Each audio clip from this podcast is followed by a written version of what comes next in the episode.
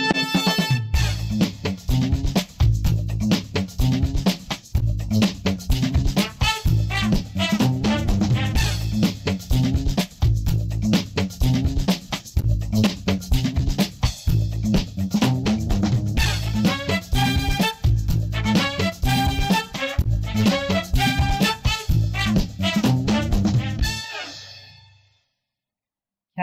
inredningsdesign locka tillbaks medarbetarna till kontoret? Hej! Välkommen till Studio Almedalen som produceras av Herr Omar och Sustain Change. I det här avsnittet som görs i samarbete med Merry Monday kommer vi att utforska det här ämnet. Kan design få tillbaks medarbetarna till kontoret nu de har vant sig vid frihet och flexibilitet? Vi ska prata om neurodesign, inredningens betydelse, skönhet. Frågan om kontor måste se ut som ett kontor. Jag heter Lena Lid Falkman. Jag ska prata närmsta timmen. Jag är forskare vid Handelshögskolan i Stockholm och vid Karlstad universitet och jag har forskat om arbetsliv och kontor i ett decennium nu. Ja, tänk hur gammal jag är. Och eh, det, då är det ju märkligt att jag vet så lite om skönhet och kontor och så lite om liksom design.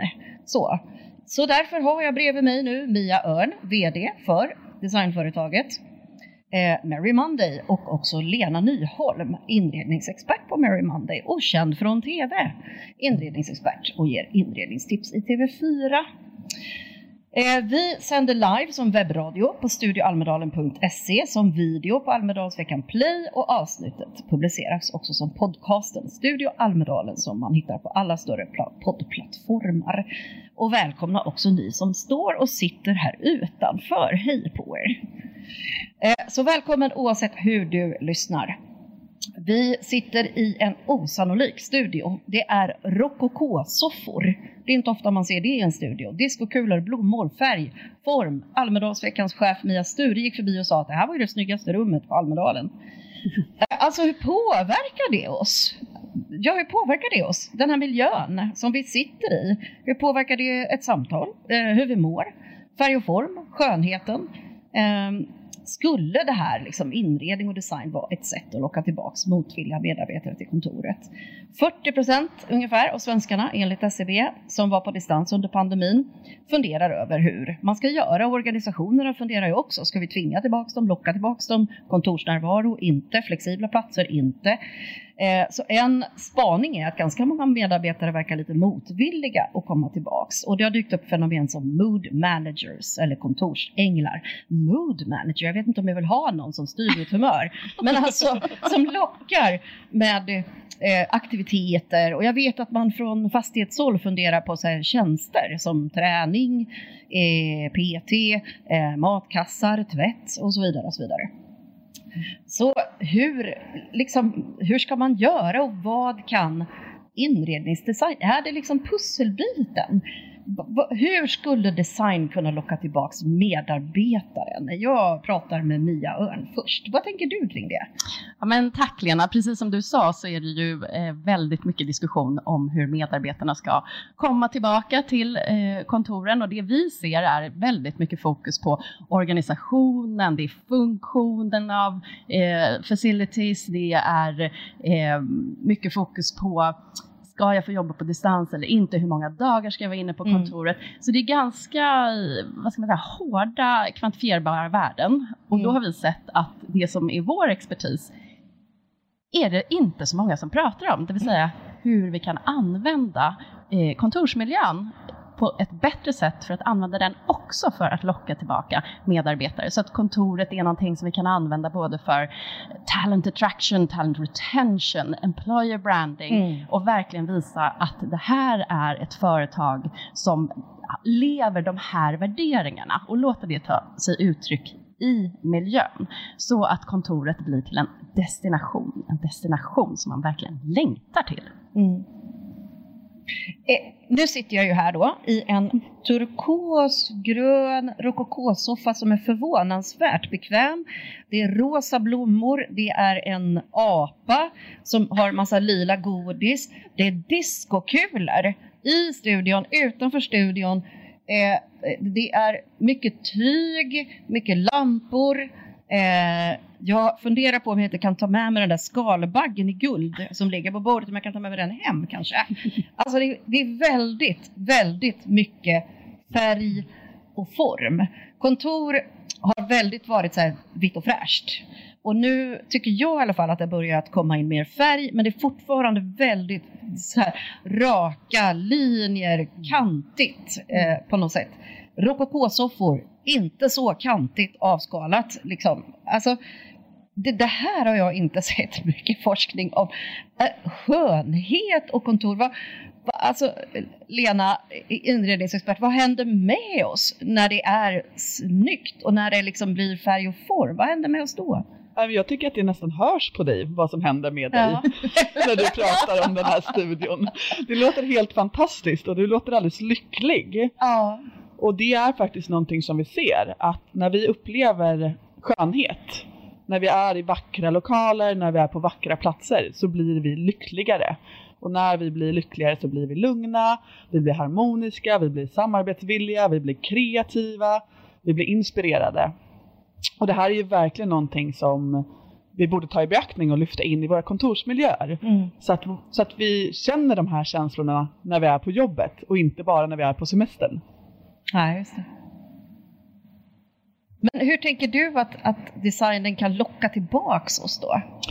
Ja, men alla älskar ju att vara på vackra platser. Ja. Vi längtar till vackra platser. Vi åker till vackra platser ja, men framförallt på semestern och när vi är lediga. Mm. Och om vi skulle skapa kontorsmiljöer eller arbetsplatser eller som vi kallar det för mötesplatser mm. som känns härliga att åka till så är det klart att vi hellre vill åka dit. Nu för tiden ser ju kontor oftast ut som förråd, skulle jag vilja säga. Man kan se att vissa lägger lite krut i eh, receptionsdesignen, mm. kanske i några mötesrum där vi eh, träffar kunder.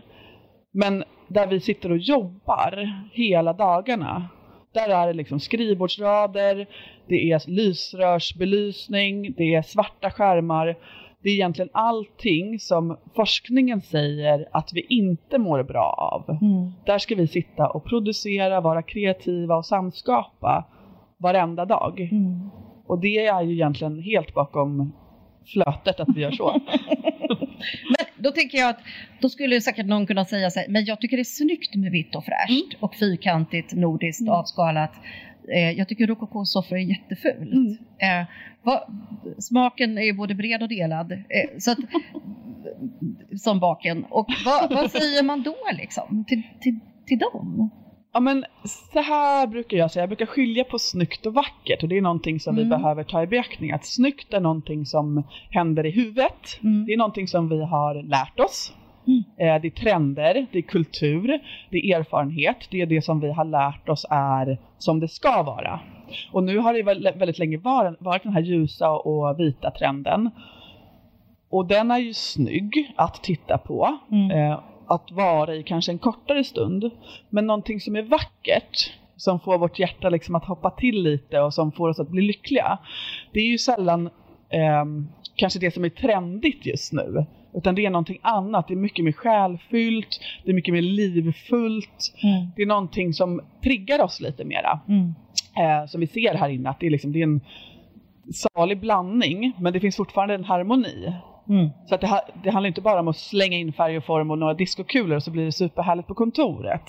Eh, men framförallt behöver vi bli medvetna om vad som händer i oss omedvetet när vi vistas i olika miljöer. Mm. De här snygga miljöerna som är liksom kantiga, hårda, lite industriella, det ska vara liksom eh, eh, avskalat, svart och vitt. Det är snyggt, men i våran kropp så signalerar det eh, att det inte finns någon mat, att det inte finns någon värme och att vi, våra stressreaktioner går igång helt enkelt.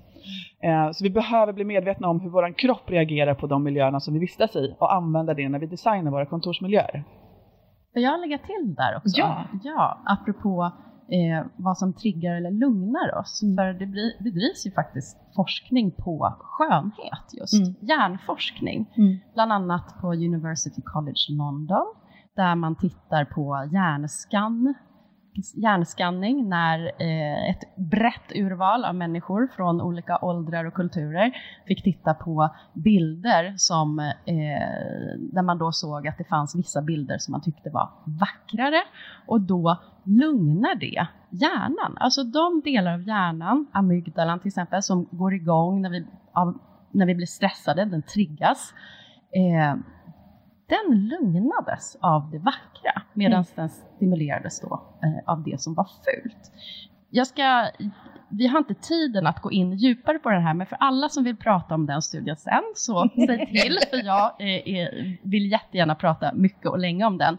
Men det är så fascinerande att det som du har jobbat med, apropå decennier, ett och ett halvt decennier som inredningsdesigner, mm. har ju du känt och vetat, men nu att det finns ju forskning som ja. också stöder det. Och just det där, understryka igen, vi måste bli medvetna om vårt undermedvetna. Mm. Det som får oss att bete oss eh, som eh, väldigt smarta, avancerade, kapabla människor. Eller stenåldersgrottmänniskor. Mm. Så. Ni på Mary Monday pratar ju om neuroledarskap och neurodesign. Alltså, men vad, vad är det egentligen? Om vi börjar med neurodesign. Mm. Lena, det här är helt eh, ny mark för mig. Vad är det? Det är ju en, namnet på den hjärnforskning som bedrivs om hur vi påverkas av vår omgivning. Mm.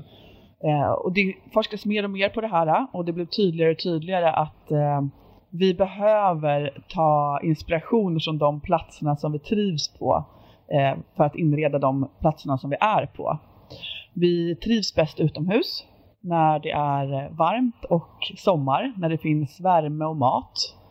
Ehm, vi vistas inomhus 80-85% av vår tid.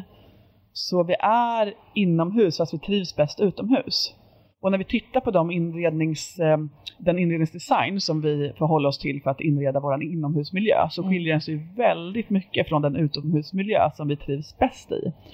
Och då kan man ju använda den här hjärnforskningen till att faktiskt inreda inomhusmiljöerna så att de påminner mer om de utomhusmiljöerna som vi trivs bäst i. Så neurodesign handlar egentligen om att se hur vår hjärna och vår kropp reagerar på olika miljöer så att vi kan skapa miljöer som får oss att må bättre. Mm. Så hur ska man tänka då? Är det att ta in naturen in? Är det liksom ett, ett exempel på ja. neurodesign? Ja, absolut. Vi har, vi har kokat ihop det till egentligen fyra grundstenar som man kan förhålla sig till. För det är, ett, det är komplext. Det är inte bara att slänga in en, en blommig kudde och så, så, och så blir det, härligt. Liksom. Ja. Mm. Utan man det är större än så. Mm. Och det är komplext och det är det är någonting som man verkligen behöver lägga ner lite tid och tålamod för att, för att skapa de här trevliga miljöerna. Mm. Men de fyra grundstenarna som vi har tagit fram uh, utifrån den neurodesignforskning som finns och den erfarenheten som vi har från, från inredningsbranschen är först och främst skönhet, mm. som vi pratat om. Vi, vi mår bra av vackra saker och vackra platser och vackra detaljer. Mm. Och två är då naturen, att vi behöver ta in element som påminner om naturen. Och då är det alltså, framförallt såklart blommor, jätteenkelt. Mm. Men också färger, former, material. Mm. När vi tittar utomhus, det finns ju ingenting i naturen som är fyrkantigt. Nej. Men inomhus är ju i stort sett allting fyrkantigt. Och fyrkantiga saker mår inte våran hjärna bra av. Så vi behöver mjuka upp det med ja, men, Ja, det är böckerna här inne som är fyrkantiga, annars har vi ingenting här inne som är fyrkantigt. Nej, men det slår mig faktiskt. Det är runda diskokulor, mm. Det är sofforna är rundade, tygerna buljande, mm. lamporna är runda, bordet är ovalt. Ja, nej men allt är ju, mm. allt är runt. Ja, vad häftigt. Så det, det, är liksom, det är färg, det är form, det är material, det är strukturer, det är mycket att ta in. Och sen är det också så att den tredje grundstenen som heter eh, harmoni, det handlar om balans, att det behöver ju också vara balanserat. Här inne till exempel, det är jättemycket som händer, men det finns någonting som håller ihop det. Så balansen är superviktig för oss. Mm. Och så den fjärde grundstenen då som men är... Får jag bara fråga ja. om balans där? Det, tänker du då färg, eller tänker du även allt. större än så allt. Ja, och det är Ja. det som, det är det som gör att det blir komplext. Ja. Det går inte att säga så här, stoppa in en rund lampa så är det löst. Det. Utan vi behöver liksom se på allt från den lilla skalbaggen till färgen på väggar och tak. Mm. Att allting behöver ha en balanserad harmonisk känsla. Mm. Ehm, Så det kräver som sagt lite tid och tålamod för, att- för att skapa de här miljöerna. Mm.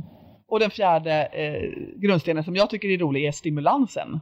Alltså att det ligger diskokulor här inne. Att det är någonting som poppar till, som överraskar, som får oss att liksom få lite energi och vakna till. Det är också Mm. superviktigt. Vi behöver liksom harmoni och stimulans Mm. och natur och skönhet. Mm. Det, är liksom, det finns inget enkelt recept. Men de här fyra grundstenarna kan man ändå ha i beaktning när man ska skapa miljöer som, som man trivs och mår bra i. Mm.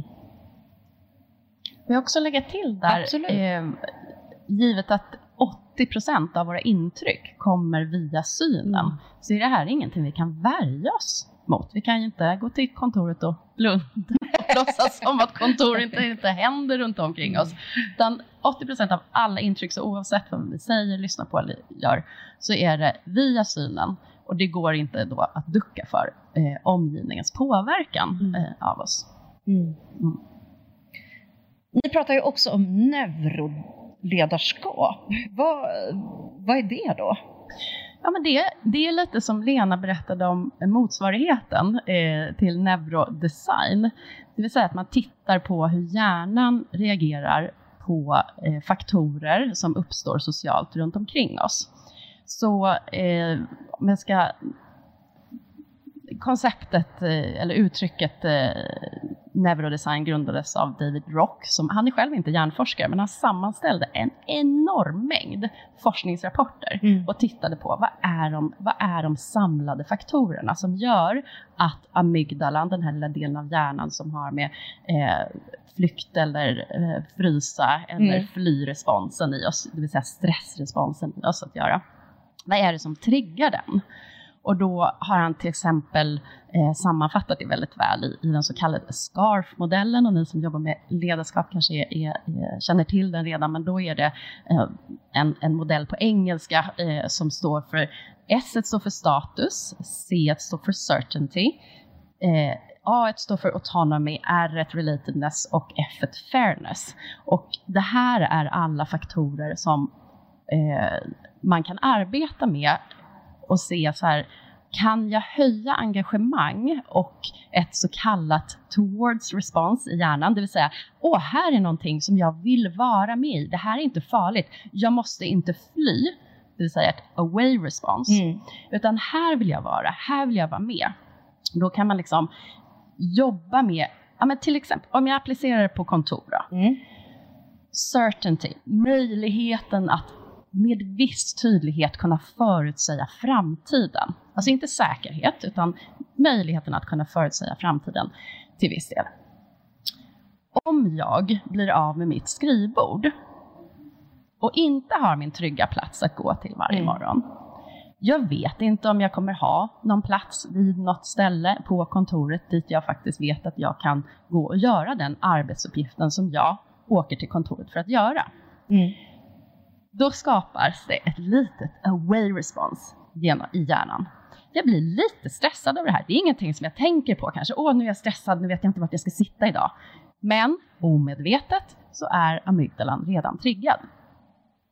Eh, så hur kan man jobba med det då om vi eh, numera kanske inte har lika mycket skrivbord eller att det är flexible seating som jag Mm. vet Lena du forskar på. Det här ska Mm. bli jättespännande att höra eh, mer om vad du hör och ser hos de ledarna som du eh, intervjuar i din forskning.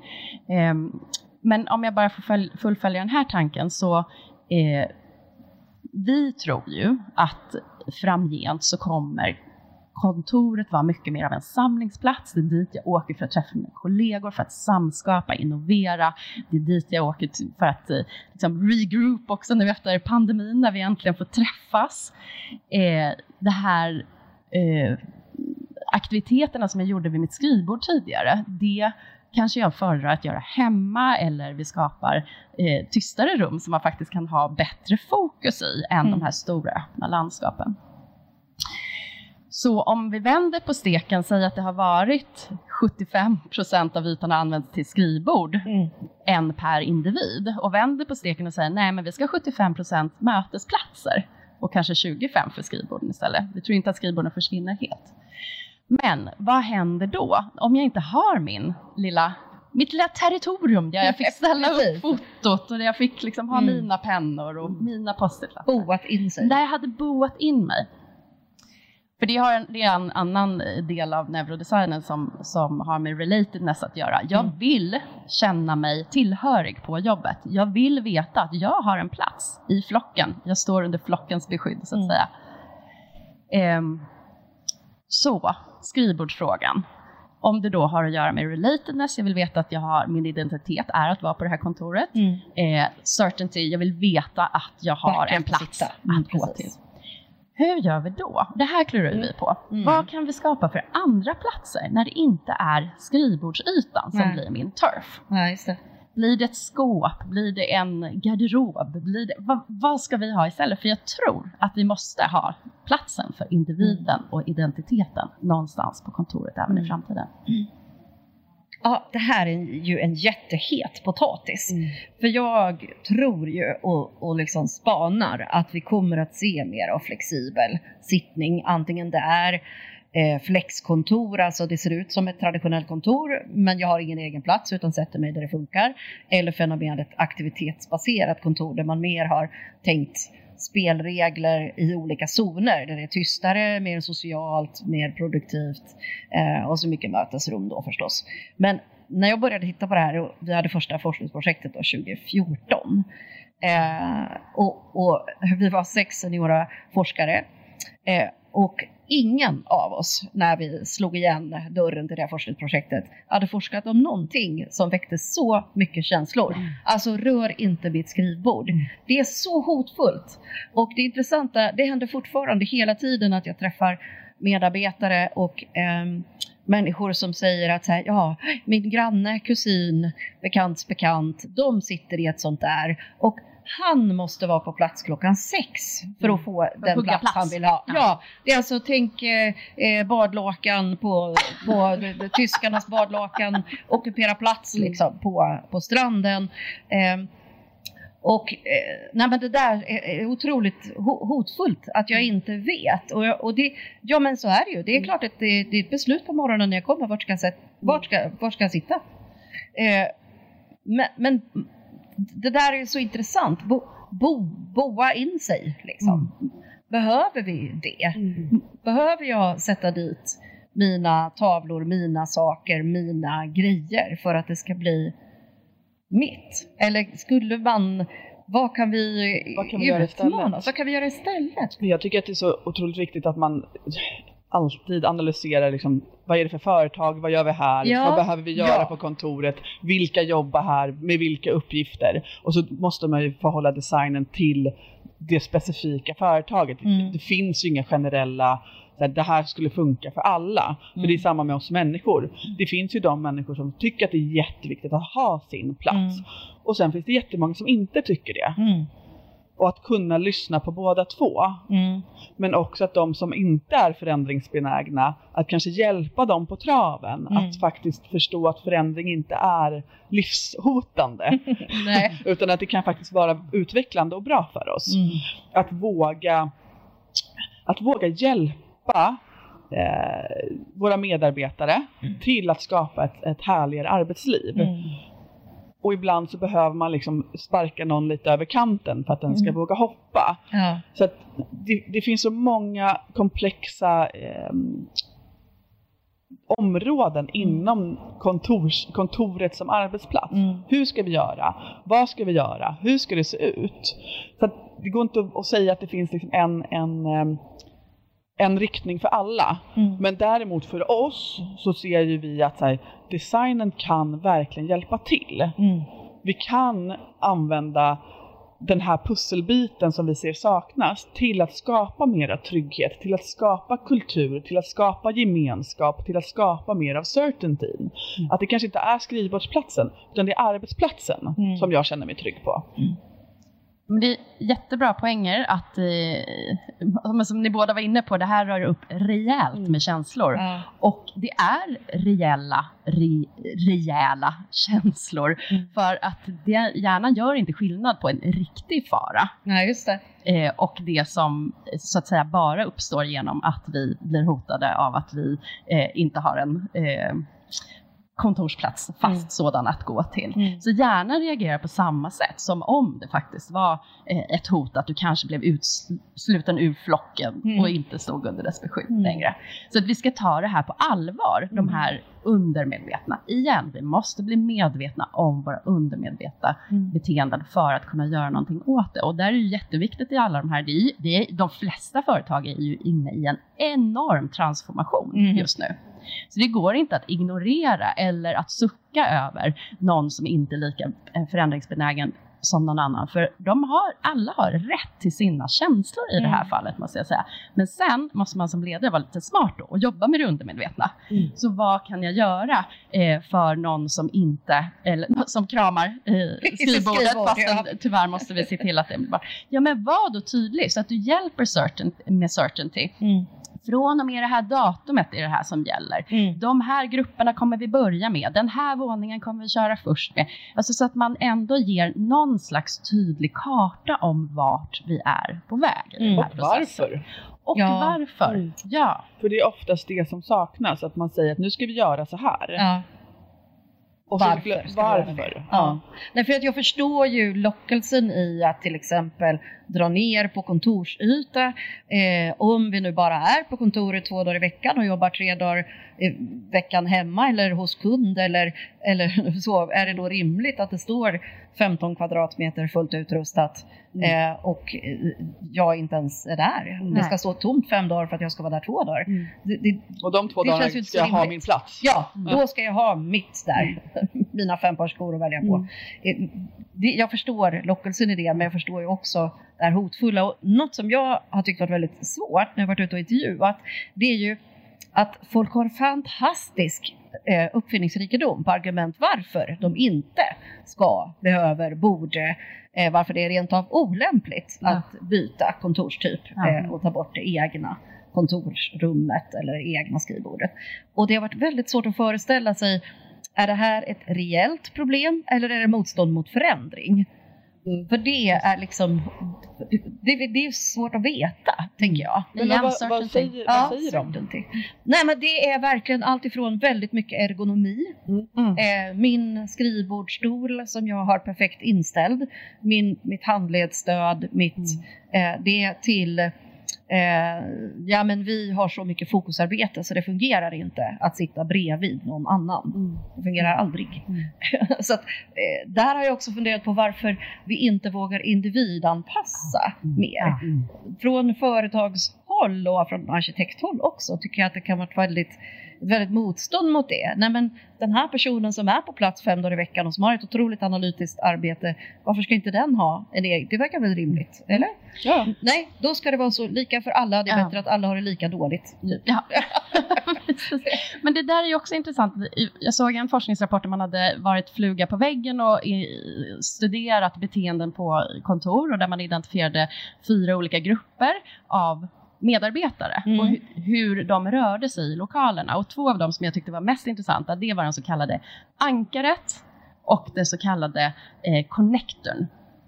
Ankaren satt vid sin plats Mm. hade sådana uppgifter som han eller hon klarade av vid, sin, vid, skri, vid sitt skrivbord eh, och var väldigt nöjd med det och därmed också hade ett stort behov av sitt skrivbord. Eh, connector, alltså eh, den, den som connectade med andra, som, Mm. som skapade relationer internt, var den som rörde sig mellan alla våningsplan, alla avdelningar, var ute och, och skapade eh, olja i Walk the maskineriet, walk the talk, Ja. den behövde inte alls skrivbord lika mycket. Men de har båda ett värde som de bidrar till organisationen med såklart. Och där tycker jag också är spännande eh, om man tänker kontoret som ett sätt att mäta produktivitet. Mm. Alltså att du har Facetime, du dyker upp, du syns på kontoret. Det fyller en sån funktion också i många organisationer, Mm. tro det eller ej, men fortfarande efter pandemin. Eh, att det räknas om du är på kontoret. Men eh, jag tror att vi kommer börja mäta input och bidrag till en organisation på helt andra sätt framöver. Att det inte har med eh, Facetime på jobbet att göra, utan eh, jag tror att det är revival of the connectors också. Mm. Eh, att eh, när man ser att det flyter på bättre av eh, även de som inte är fast vid ett skrivbord. Mm. Men nu pratar vi ju återigen om liksom, skrivbordsplatser, hur många dagar ska vi vara på kontoret Ja, och så vidare. man, man, man trillar liksom dit hela tiden och så sitter man såhär, nej men hur ska det se ut då? Ja. Hur ska kontoren se ut för att vi ska vilja åka dit? Ja. För de VD som vi har pratat med, de vill ju att medarbetarna ska vara på kontoret. Ja. Och medarbetarna vill inte, Inte. vara Nej, på kontoret. precis. Det är typ det vi ser liksom i det stora Mm. hela. Jag håller med. Och då menar vi att skapar vi en, en kontorsmiljö, en arbetsplats, en mötesplats som känns härlig att vara på, där jag känner mig inspirerad, där jag känner mig ehm, samskapande och innovativ. Då kommer jag ju vilja åka dit. Då kommer jag ju tycka att det är trevligare att sitta där än att sitta i tvättstugan hemma och kunna liksom, laborera med, med tumlaren. Ja men exakt. Så vi behöver, liksom behöver se på det från flera olika håll. Ja. Och just antalet skrivbordsplatser och så vidare. Ah, Det får någon annan lösa. Mm. Det vi står för är att här, vi behöver skapa vackra kontorsmiljöer. Varför ska kontor se ut som förråd? Mm. Vem är det som har bestämt att det ska vara fult på kontoret? Mm. För det är, alltså, jag- jag skulle vilja säga att det är det. Sen såklart så finns det ju de som har, som har investerat och förstått Mm. hur viktig, viktig kontorsdesignen är. Mm. Men de allra, allra flesta har ju fult på kontoret. Mm. Det är fula stolar, det är fula eh, skrivbord, Mm. det ligger högar med papper, det står någon gammal låda, ingen plockar undan efter sig. Mm. Och fulare blir det. Och fulare blir det ju fulare det är liksom. Och, och så är man aldrig där heller. så på allvar så är det ju Ja. så med Ja. broken window effect. Liksom. Mm. Är, det, är det något som är trasigt, är det något som är fult så bryr man sig inte lika mycket om Nej, då blir det bara värre. Ja. Och är, Du- Nej, fortsätt.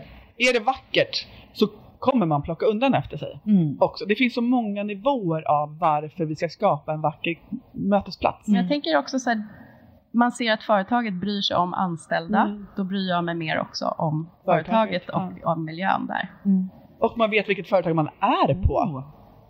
För nu ser det mest likadant ut. Även de som då har investerat i sin kontorsdesign. Mm. Det ser likadant ut överallt i stort sett. Man Mm. vet ju inte vilket fancy kontor man kommer in på. Men det är lite mer fancy än ett vanligt kontor. Mm.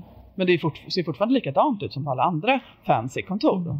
Det är få som får varumärket och eh, värderingarna Mm. att verkligen genomsyra designen, tycker jag idag. Om man tittar på retail och, och butiker till exempel så är det ju väldigt tydligt om jag Mm. går in i den butiken eller den här butiken Mm. och det blir helt olika upplevelse Mm. beroende på eh, inredningen där. Så där tror jag att eh, kontor kommer hämta mycket inspiration från retail i framtiden. Eh, och vi är intresserade av den designprocessen och, och applicerar liknande designprocesser på kontor. Mm. Det vill säga, hur har du gjort en härlig lobby på ditt hotell eller hur har du gjort en eh, härlig restaurangmiljö? Kan inte du prata om restaurangen lite? Ja men det är så extremt intressant. För att, eh, när man, framförallt, det är ett bra exempel, ett tydligt exempel när man inreder restauranger så är man ju väldigt, väldigt medveten om hur miljön påverkar oss. Mm. Till exempel om du går in på en snabbmatsrestaurang. Då är det oftast väldigt, väldigt ljust. Det är väldigt, väldigt vitt. Det är några enstaka färgglada möbler. Och det här är ju inrätt för att vi ska bli stressade. Vi ska äta snabbmaten snabbt och gå därifrån. Mm. Vi ska ha ett away response Away i hjärnan. Mm. Och om vi tittar på en härlig, eh, mysig restaurang där de vill att vi ska sitta kvar länge. Då är det ju helt tvärtom. Det är en varm belysning, det är murriga färger, det är mjuka möbler och där vill vi stanna kvar Mm. väldigt länge. Hur ser det ut på våra kontor? Som snabbmatsrestaurangen Mm. eller som den härliga mysiga lång, långsittarrestaurangen? Det ser ut som snabbmatsrestaurangen. Ja, Mm. definitivt Mm. tänker jag. Helt, Ja. alltså, om man kisar lite så är det svårt att se skillnad på liksom, McDonalds och ett kontor. Ja. Och McDonalds eller snabbmatsrestaurangerna är inredda för att vi ska dra därifrån. Mm. Det vill säga att när vi går in på ett kontor så omedvetet reagerar våran kropp på samma sätt. Vi vill gå därifrån. Mm. Det är också spännande att, förlåt Lena, du får inte en syl. Men jag ska bara säga en sak, det är ju också spännande att, att kontoren, alltså det finns en historisk förklaring för utseendet också. Ja. Att från början var det den delen eh, i fabrikerna där man förvarade papper. Mm. Så att det var ett förråd från början. Och sen började man också förvarar människor där. förvara, sina, där. förvara sina medarbetare. Ja. Men nu har ni sagt så här, kontoret ser ut som förråd, kontoret ser ut som snabbmatsrestaurang och det här är någonting som jag eh, tycker är intressant här, att det ser ut som någonting annat. För en termin så snålade jag in på forskningsmedel Eh, jobbade mycket hemma eh, och när jag då var i stan så åkte jag ju på möten, undervisade, föreläste. Men timmarna mellan då, då gick ju jag på ett café. Ett sånt där café som då är inrett, inte som en snabbmatsrestaurang utan wifi, svindyra cappuccinos och mm. för att sitta länge. Eh, dock väldigt oergonomiskt, eh, ska jag säga. Eh, och, och då, ja, då var ju det det gick åt väldigt mycket pengar faktiskt på kaffe och jag hade ganska ont i nacken och Eh, men den största så här, effekten var att när någon då ringde på lördag så här, vill du gå på fika? Vill du, ska, vi ta, ska vi gå på café? Och jag bara, aldrig i livet. Jag har suttit där flera timmar den här veckan, jag har inte alls någon lust. Liksom.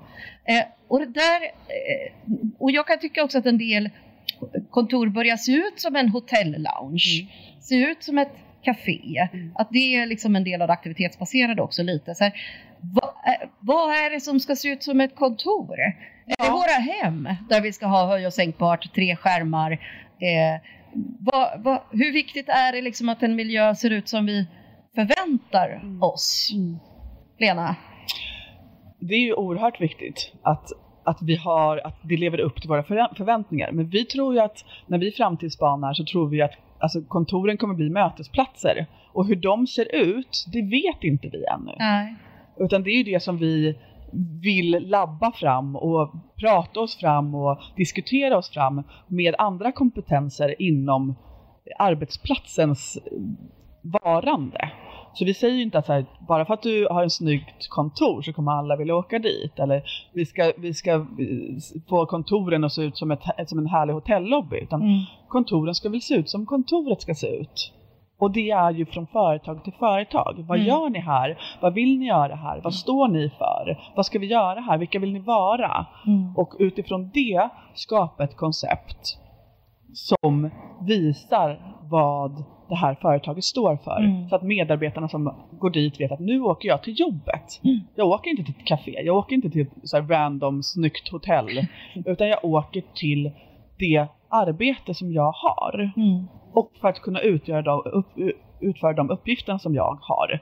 Så att när vi pratar om att vi tar inspiration från retail och hotell och så vidare så är det snarare inspirationen är hur man använder inredningen för att skapa de känslorna man vill skapa.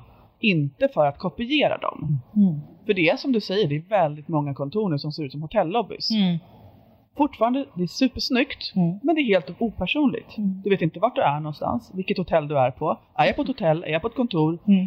Vi behöver liksom utveckla det här och labba fram och nyfiket liksom dra i de här frågorna och använda oss av den forskningen som finns för att nå ett mål som är större än bara ett kontor. Mm.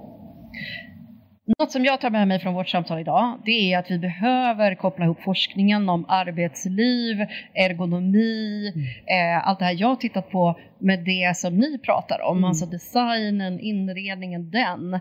Det är som att det här har varit två olika OR som har gått bredvid ja. varandra parallellt, att vi liksom inte har mötts. Mm. Men nu har ju faktiskt vi eh, lite av en framtidsspaning och lite av en bebis att avslöja faktiskt idag. Mm. Där vi ska få labba mm. lite ah. tillsammans.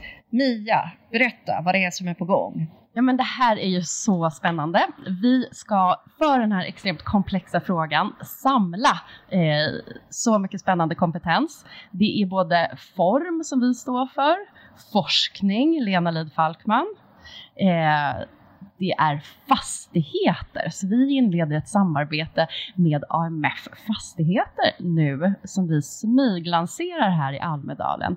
Jättespännande med en sån stor aktör som har sånt inflytande i hur man eh, förser städer, kunder, hyresgäster med infrastrukturen som vi behöver. Så eh, form, forskning, fastighet och så måste vi ha folket med också. Mm. Och det, jag tror att det är det vi eh, samlar våra krafter till, att just den mänskliga aspekten ska mm. finnas med mm. i kontorets utformande. Så vi tänker så här, det är för svårt att hitta lösningar precis eh, där vi står idag, för att vi har så mycket förutfattade meningar om vad kontoret kan vara som vi har diskuterat här idag, att vi hamnar gärna i funktion och antal eh, skrivbordsplatser. Vad är det det skulle kunna vara i framtiden. Mm. Vad kan vi se om vi hoppar fram 20 år i tiden istället för att försöka hitta lösningarna idag? Om vi hoppar fram 20 år i tiden, vad vet vi då som vi hade behövt veta idag? Vad kan vi låna för lösningar som vi tror kan vara troliga i framtiden? Så vi kommer att ägna oss åt ett strukturerat framsynsarbete där vi spanar efter eh, svaga framtidssignaler, det vill säga sånt som idag vi bara anar men om 20 år kan ha växt till starka trender. Mm. Och det här gör vi för att eh, både vi eh, i vår, vårt arbete ska kunna stötta våra kunder bättre, men också för att hjälpa, jag hoppas att vi hjälper flera brett genom att span, ge oss in på den här spaningen. Och vi gör det med största ödmjukhet. Det är en mm. svår fråga, men Jaha. den berör så många människor. Mm. Vill du tillägga Lena? Nej, jag tycker Eller bara att det ska bli otroligt spännande. Ja, precis, två Lenor, det blir så ja. komplicerat. Eh, nej, det blir otroligt, eh, nej, otroligt spännande att få labba, experimentera, mm. det här att få uppleva eh, när man bygger miljöer och, och testar sig mm. fram, snarare än att bara sitter och föreställer sig. Så det ser jag enormt mycket fram emot. Mm. Du då Lena? Jag tycker bara att det är så extremt roligt att en så stor aktör inom fastighet mm. eh, vill spana på vad skönhet gör för oss. Ja. För det är liksom en av huvudpunkterna som vi har gemensamt. Att så här, vi ska spana på skönheten. Hur kan vi få in skönheten på kontoren? Eh, och varför? Mm. Mm. Om vi ska bara tänka några konkreta tips nu på slutet. Eh, du har ju varit inne, Lena, på att, att det liksom ska säga någonting om vilka vi är, kontoret. Mm. Så om du skulle ge några konkreta tips på hur verksamheter och organisationer skulle tänka liksom, mm. kring sina kontor, vad skulle det vara? Eh, och jag förstår, har förstått nu efter de här 45 minuterna att det är komplext, ja. att man inte bara kan stoppa in en växt, eh, en rokokosoffa klart. Liksom. Utan vad, hur ska man hur ska man tänka? Ja, men, vi vill ju skapa en lockande kontorsmiljö och för att vara lockande så måste vi skapa någonting unikt. Mm. Vi måste våga stå för vilka vi är och säga att det här är vi och det här gör vi och det här står vi för. Mm. Så att, att utforma ett koncept helt enkelt där man tydliggör mm. företaget. Mm. Så att man verkligen kan se det, man kan känna det, man kan uppleva det. Um, och också vara tydlig i det här kontorserbjudandet. Vad gör vi här? Mm. Vad ska vi kunna göra här? Mm. Vad ska du som medarbetare kunna göra på den här platsen och hur har vi utformat den här platsen så att du kan göra det? Mm. Så som sagt, det är från massa olika håll. Men framför allt liksom, våga bryta normen om hur ett kontor ska se ut. Mm. Ett kontor behöver inte se ut som ett kontor. Ett kontor kan se ut som en härlig plats. Mm. En studio kan se ut som en galen nattklubb. Mia, jag tänker på det här att folk sitter hemma och i början så hade ju ganska många av oss då strykbrädor istället för sänkbara bord mm. och eh, jag tycker att, jag hör ibland hur man liksom har eh, Ja, man har fått ett hörn eller något där man har stoppat in något gammalt bord och något. Och så. Vad skulle man kunna göra för att få arbetsplatsen hemma inbjudande och kreativ och innovativ också. Ja men bra, bra poäng. Jag tror att man behöver inte sätta den på undantag utan mm. att acceptera att den är del av vår vardag nu mm. och därmed ge den lika mycket omsorg och kärlek som de finaste delarna som vi har hemma, sin salong eller vardagsrum eller vad det är man brukar eh, pynta mest, gör det likadant på skrivbordet. Mm. De fyra grundstenarna. Skönhet, natur, harmoni och eh, stimulans. Bra sammanfattning. Och det är dags att runda av. Ett mål med Studio Almedalen, det är att vi ska ta Almedalsveckan från snack till verkstad. Så på torsdag mellan 10 och 12 så körs en direktsänd idéverkstad som alla får delta i oavsett om man sitter här utanför eller om man är med digitalt. Så varje program här eh, i Studio Almedalen avslutas med att våra gäster får eh, fundera eh, fram en utmaning som ska lösas för att göra skillnad på det som vi har diskuterat. Så eh, kommer ni på något så skriver ni ner den utmaningen så får deltagarna i idéverkstan jobba med det. Och ni som lyssnar, ni får också delta i verkstaden. Gå in på studioalmedalen.se så finns instruktioner och länk till den här digitala verkstaden och där får du också se utmaningarna med mer information. Stort tack Mary Monday, Lena Nyholm, Mia Örn. Tack till alla er som har suttit här utanför och lyssnat. Eh, eller du som lyssnar på det här avsnittet som podcast. Vi fortsätter sända härifrån Studio Almedalen. Nästa avsnitt handlar om digitala möten. Aldrig mer eller framtidens arbetssätt och det börjar klockan 11. Och då ses vi igen. Tack så mycket. Tack så mycket Lena. Stort tack.